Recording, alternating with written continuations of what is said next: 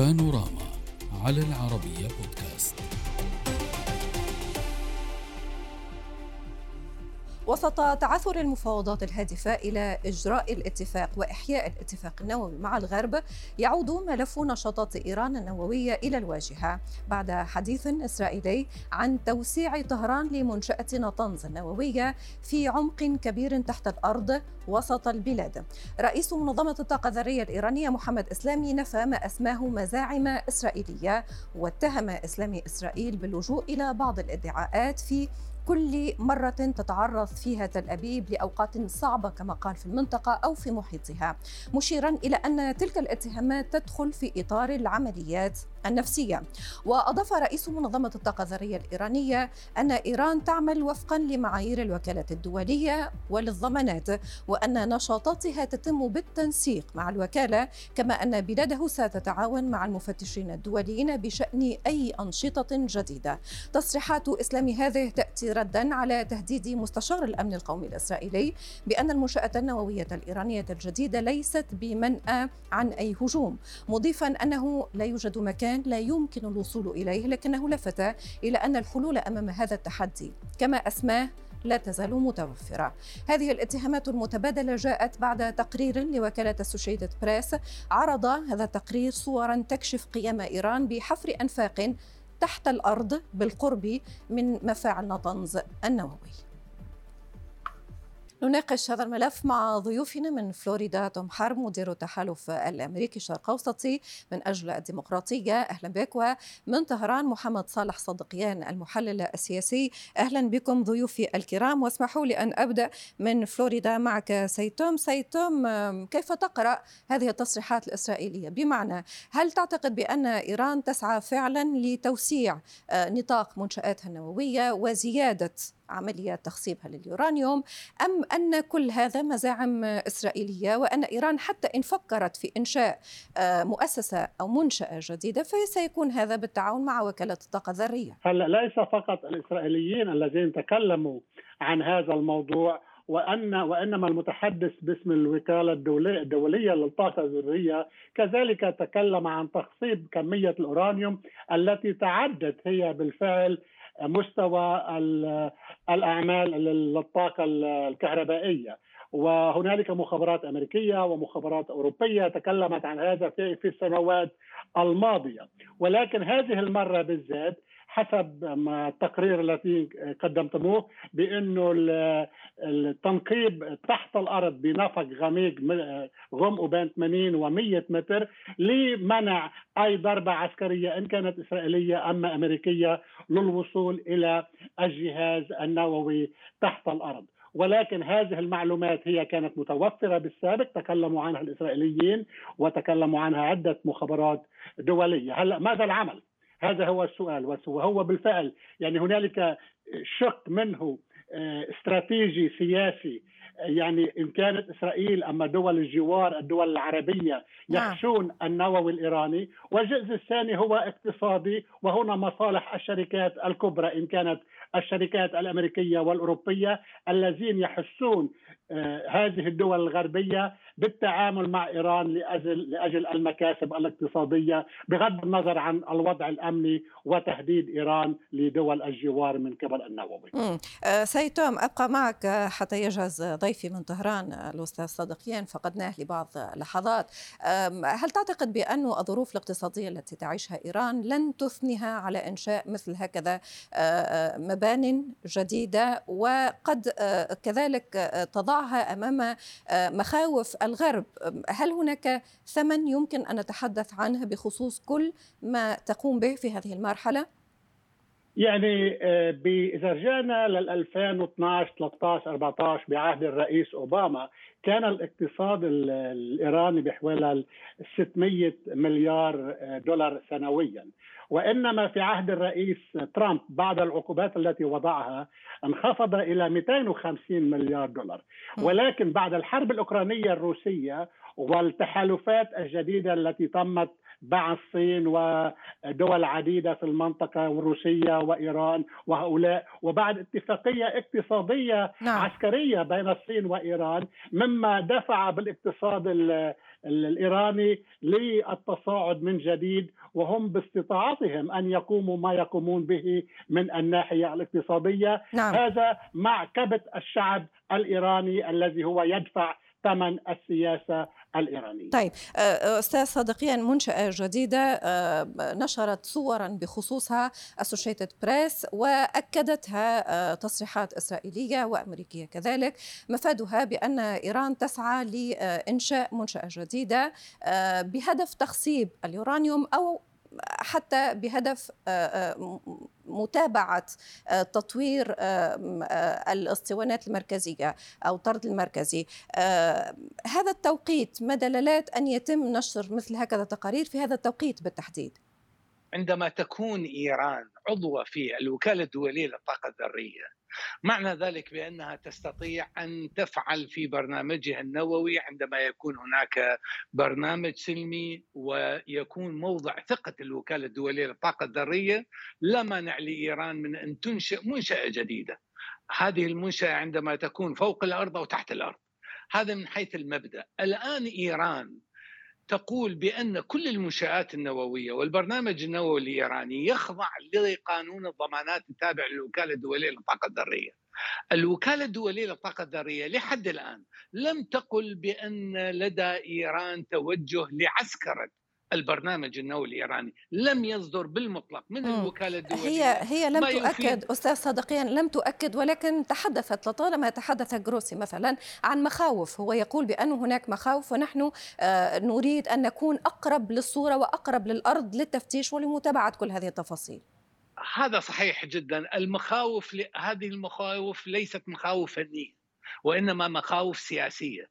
المشكلة مشكلة البرنامج النووي الإيراني ومشكلة الملف النووي الإيراني هي عندما خرج الرئيس ترامب من أو انسحب من الاتفاق النووي. كلنا يعلم الاتفاق النووي كان ينص على أن إيران يحق لها أو لا يحق لها تخصيب اليورانيوم أكثر من 3.67 وبالتالي إيران أيضا من الفترة 2005 2015 إلى الفترة 2018 عندما انسحبت الولايات المتحدة من الاتفاق النووي كانت تخصب بهذه النسبة نسبة 3.67 المشكلة ظهرت عندما انسحب الرئيس ترامب وفرض عقوبات. وهذه العقوبات كان لدي يعني لديها انعكاسات كبيرة لدى الجانب الإيراني ماذا تعمل إيران عندما فرضت عليها مثل هذه العقوبات القاسية وبحيث هو الرئيس ترامب قال قال لا يوجد لدينا شيء آخر نفرض بعقوبات نفرض عليه عقوبات في إيران مم. هذه هي المشكلة الحقيقية أي ولكن لم أفهم هذه النقطة إيران. سيد صدقيان قبل الانتقال لفلوريدا لضيفي لم أفهم هذه النقطة تقول بأنه مع آه، آه، فرض العقوبات لم تجد إيران إلا هذا خيار. ولكن آه، منشآت وتخصيب وطرد مركزي فيما ينفعها اقتصاديا فيما ينفعها مقابل هذه العقوبات. القضية التي تخص ماذا ينفعها وما وما يضرها هذه تتبع سياسة الحكومة الإيرانية والبرلمان الإيراني ومراكز القرار في داخل إيران هم يعرفون ماذا يخدم بلدهم أو لا. لكن المشكلة التي نحن الآن بصددها هل أن إيران تعمل خارج خارج قانون الضمانات التابع للوكالة الدولية للطاقة الذرية؟ هذا هو المهم.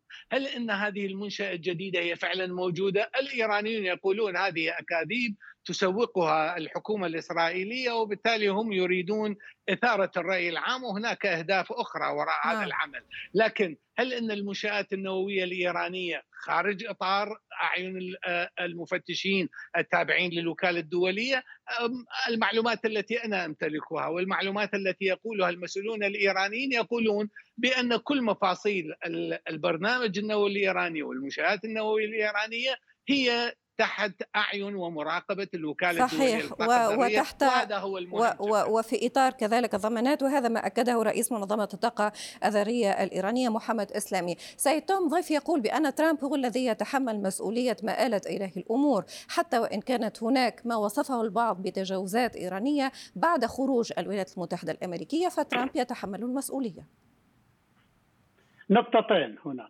النقطة الأولى هي بأنه الاتفاق النووي بعهد الرئيس آه، أوباما كان لديه غروب شمس بعد 15 سنة وغروب الشمس يعني من 2015 ل 2030 عندئذ تقوم إيران بما لديها بدون أي معاقبة أما أي مراقبة دولية. ثاني نقطة كمان بالنسبة للوكالة الدولية للطاقة الذرية عليها أن تبلغ إيران 30 نهار قبل المجيء إلى إيران للكشف وأي مكان سيكشفون وأي منطقة وتحدد المناطق للكشف والمراقبة من قبل الوكالة الدولية.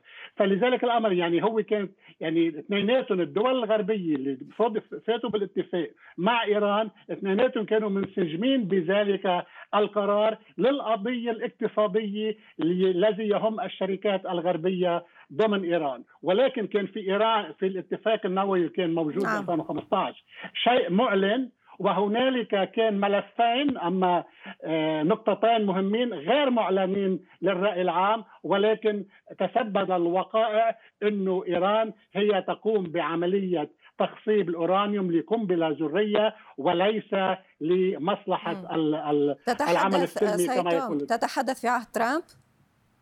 لا هذا كان الاتفاق هو تم بقبل بعهد الرئيس عهد أوباما. أوباما. طيب. أوباما كان لأنك لم تجبني على سؤالي هو ضيفي يقول المشكلة ليست في تطوير إيران ليست في إنشاء منشآت.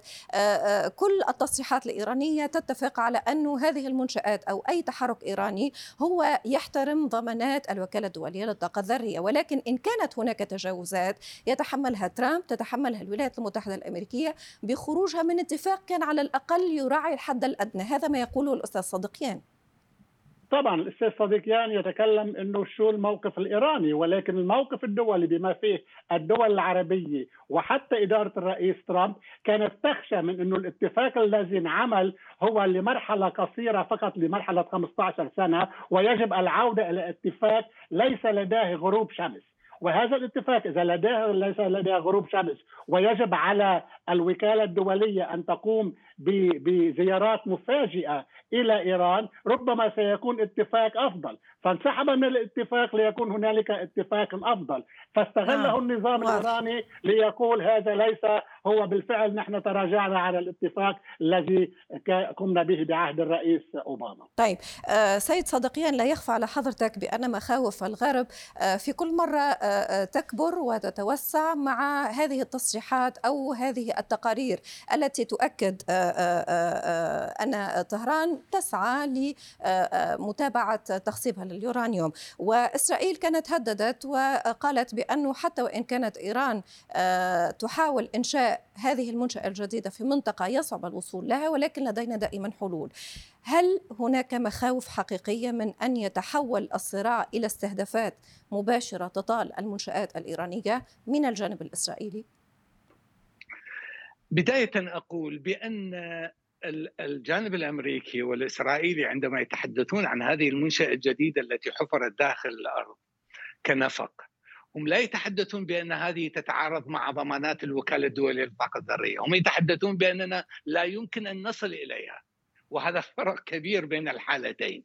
النقطة الثانية أنا يعني أنسجم مع ما تفضلت به هو وجود قلق عند الجانبين عند الجانب الأمريكي والأوروبي والغربي بشكل عام والجانب الإيراني هناك حاجز عدم الثقة موجود بين الجانبين. الاتفاق النووي الذي تم التوقيع عليه في عهد الرئيس أوباما في العام 2015 هو أراد أن يعزز الثقة بين الجانبين. أن تكون هناك ثقة لدى الإيرانيين من أعمال وسلوك وتصرفات الجانب الأمريكي وأن يكون هناك ثقة من الجانب الغربي للسلوك الإيراني بشكل عام لكن هذا الانسحاب الذي وصفه الرئيس بايدن بأنه انسحاب خطأ وتصرف وسلوك خطأ عندما انسحبت الولايات المتحدة من الوكالة الدولية نعم. هذا هذا هذه هذه كارثة كانت لإيران وللغرب وللولايات المتحدة وأنا أعتقد بعد الانسحاب الأمريكي من الوكا من الاتفاق النووي من حق الولايات المتحدة أن تقلق طيب من ولكن أستاذ صادقيان أنا معك فيما يخص أزمة الثقة بين الطرفين ولكن قد يقول لك مراقبون بأن أزمة الثقة هذه أسست لها كذلك تصريحات سياسية إيرانية. هناك من تلاعب بموضوع الملف النووي أو لعب عليه وبه لمحاولة الضغط في ملفات أخرى وحضرتك تعلم بهذا الموضوع. إيران لما تنشئ منشأة جديدة إلى أي مدى هذا الموضوع آه، قد يمثل أداة لتتحرش من خلاله بإسرائيل؟ وهذا قد يضعنا في إطار تصعيدي خطير. آه هذه المنشأة اليوم هو نفى آه مدير الوكالة الدولية مدير الوكالة الإيرانية الذرية. صحيح. نفى هذه المعلومات وقال بأن هذه المعلومات غير صحيحة وغير دقيقة وقال أيضا بأن كل البرنامج النووي الإيراني وما تقوم به إيران. في برنامجها النووي يخضع للوكالة الدولية للطاقة الذرية، هذه نقطة راس سطر ويبدو لي لحد الآن الوكالة الدولية لم تتحدث لا عن هذه المنشاه الجديدة ولا عن غيرها ولم تقل بأن إيران عارضت الوكالة أو لم تخبر الوكالة، لا يوجد تصريح من قبل الوكالة بهذا الشأن وهي الوكالة المتخصصة دوليا في مراقبة الأنشطة النووية نعم. للدول الأعضاء وإيران عضو في هذه النقطة. النقطة المهم هل إنها مثل هذا أي تحرك أو سلوك نووي إيراني يمكن أن يستفز إسرائيل؟ أنا أعتقد بأن إسرائيل لا تريد أقل من تفكيك البرنامج النووي الإيراني حتى وإن كان مستوى التخصيب 1% لأن إسرائيل والأمن القومي الإسرائيلي يعتمد على قاعدة التفوق الإسرائيلي العلمي والأكاديمي والتقني لكل دول المنطقة، وبالتالي نحن رأينا في اتفاقيات كام ديفيد قضية التفوق الإسرائيلي نعم. كان مهم في هذه الاتفاقيات وحتى في اتفاقيات وادي عربة الآن إسرائيل تنظر للبرنامج النووي الإيراني بأنه يهدد الأمن القومي الإسرائيلي وبالتالي هي وقفت وراء الرئيس ترامب من أجل انسحاب من الاتفاق النووي نعم. والرئيس ترامب عندما وقع على الانسحاب هو قال كلمة أتد... أظن بأنكم تتذكرونها قال وفيت بعهدي وعندما قال وفيت بعهدي كان يعني بأنه وفى بعهده للوبي اليهودي الموجود في داخل الولايات المتحدة إيباك وللحكومة الإسرائيلية بأني آه، آه، آه، خرجت من هذا الاتفاق أي. وكانوا يريدون انهيار الاتفاق النووي. إيران هم تصرفت بما تراه مناسبا من أجل الحفاظ على أمنها القومي وسيادتها على كل الأنشطة وهي تؤكد عضويتها الطبيعية في الوكالة الدولية للطاقة الذرية. طيب سيد توم هل تعتقد بأن آه، إسرائيل من خلال هذه التقارير هي التي تريد تصعيد الموضوع حتى يتحرك الغرب تجاه إيران كما يقول ضيفي ولتفكيك مشروعها النووي أو العكس أو أن آه، إيران هي التي تعمل بغنى عما يمكن أن يفكر فيه البقية؟ كذا نقطة هنا. يعني إسرائيل إذا تتخوف من إيران النووي مش بالبرنامج السلمي لأنه بدول الإمارات من أربع خمس سنين لليوم بنيوا أربع منشآت نووية لبرامج سلمية وإسرائيل ما تخوفت منهم. وإنما المنشآت الإيرانية هي لسلاح نووي وليس تخوف لإسرائيل فقط وإنما للدول العربية ودول الجوار. وثاني نقطة إذا بالفعل هذا برنامج سلمي يعني تصرف إيران بالمنطقة يجب أن يكون سلميا وليس ليكون لها أزرعة من حماس بغزة لحزب الله في لبنان الحشد الشعبي في إيران الحوثيين في اليمن كل هؤلاء خلقوا مشاكل طيب للدول ولكن خليني العربية. أفهم معك سيد ما مصلحة إيران في أن تنشئ منشأة جديدة وأن آه، آه، آه، تنشر هكذا تقارير حتى وإن كانت تقارير توضحها إن كانت لا تنشئ هذه المنشآت باحترام ضمانات الوكالة الدولية للطاقة الذرية ما مصلحتها في وقت هي تسعى أولا لإعادة علاقاتها مع محيطها ومع المجتمع الدولي. هي تسعى ثانيا للعودة للاتفاق النووي بطريقة أو بأخرى. ما مصلحتها بأن تقف وبأن تطرح مثل هكذا نقطة قد تكون مزعجة ومستفزة للبقية؟ لأنه إيران في نهاية المطاف النظام بإيران يحاول الوصول إلى القنبلة الذرية. إن شأنا وإن أبينا. هذا هو الخط الأساسي اما النقطة الأساسية لإيران. هلأ التعاون اليوم بدول الجوار ومع الدول العربية هي يعني مارقين بفترة شهر عسل. ولكن التخوف بصير إذا إيران حصلت على القنبله الذريه ربما يكون هناك تسارع بين الدول العربية وعدة دول في المنطقة لقنابل ذرية ليقفوا بوجه إيران وهذه نعم. المشكلة الأساسية إذا ما إيران ما حصلت على القنبلة الذرية ربما دول الجوار لا لم يذهبوا إلى هذا الاتجاه. طيب ولكنك تتحدث عن شهر عسل البعض سيقول لك بأنه لمصلحة المنطقة لأمنها لسلامتها الكل يود بأن يطول شهر العسل هذا إلى ما لا نهايه في الحقيقة وأن تكون هناك حلول وسط دائما بين كل هذه الأطراف سيد ولكن سيد صادقيان آه، ماذا إن آه، فعلا آه، تعقد الموضوع مع الجانب الإسرائيلي خاصة؟ هل إيران يمكن أن تواجه مثل هكذا تصعيد؟ ليس فقط إسرائيلي ولكن حضرتك أشرت منذ قليل إلى من يدعم إسرائيل في الجانب الأمريكي. هذا صحيح جدا وإيران مستعدة لمواجهة مثل هكذا تهديدات وبالتالي أنا أعتقد بأن إيران عندما تكون عضو في الوكالة الدولية للطاقة الذرية يجب عليها أو الوكالة الدولية تتحمل جزء من المسؤولية للحفاظ على البرامج البرنامج النووي الإيراني مثل ما هي مسؤوليتها في الحفاظ على كل البرامج النووية لكل الدول الأعضاء في الوكالة الدولية، هذه نقطة.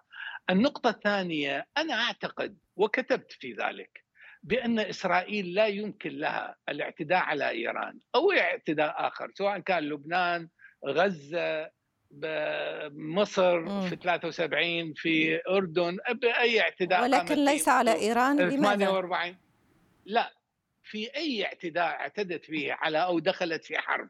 هي أخذت الضوء الأخضر من الجانب الأمريكي وعملت جسرا جويا من أجل الاعتداء. وبالتالي الآن لا يمكن لها أن تعتدي على إيران إلا أن تأخذ الضوء الأخضر ولا أعتقد يعني هذه المؤشرات الأمريكية تقول الآن الإدارة الأمريكية الحالية إدارة ترامب نعم. ليست في في وارد أن تعطي مثل هذا الضوء الأخضر لأنها منشغلة في الكثير من الملفات واضح. وبالتالي الحرب على إيران ليست نزهة طيب. وعندما تكون مثل هذه الحرب بهذا الحجم ربما تكون الطلقة الأولى إسرائيلية لكن بالتأكيد الطلقة الأخيرة سوف لن تكون إسرائيلية. والمسؤولون الإيرانيين خصوصا في القوات المسلحة الإيرانية يتوعدون الجانب الإسرائيلي بضربة حاسمة ورد قاطع وأنا أعتقد بأن إسرائيل أو الولايات المتحدة إذا أرادت التفكير بمهاجمه بمهاجمة إيران بالتأكيد سوف تفكر أكثر من مره قبل أن تقوم بمثل هذا الاعتداء. ولكن حضرتك ترى بأنها لن تقوم بذلك ولن تعطي حتى الضوء الأخضر لإسرائيل. طيب آه، آه، سنكتفي بهذا القدر على أن نتابع الموضوع آه، في حلقة أخرى. أود شكركم جزيل الشكر من طهران محمد صالح صدقيان المحلل السياسي شكرا لك. ومن فلوريدا توم حرب مدير التحالف الأمريكي الشرق الأوسطي من أجل الديمقراطية. شكرا لك.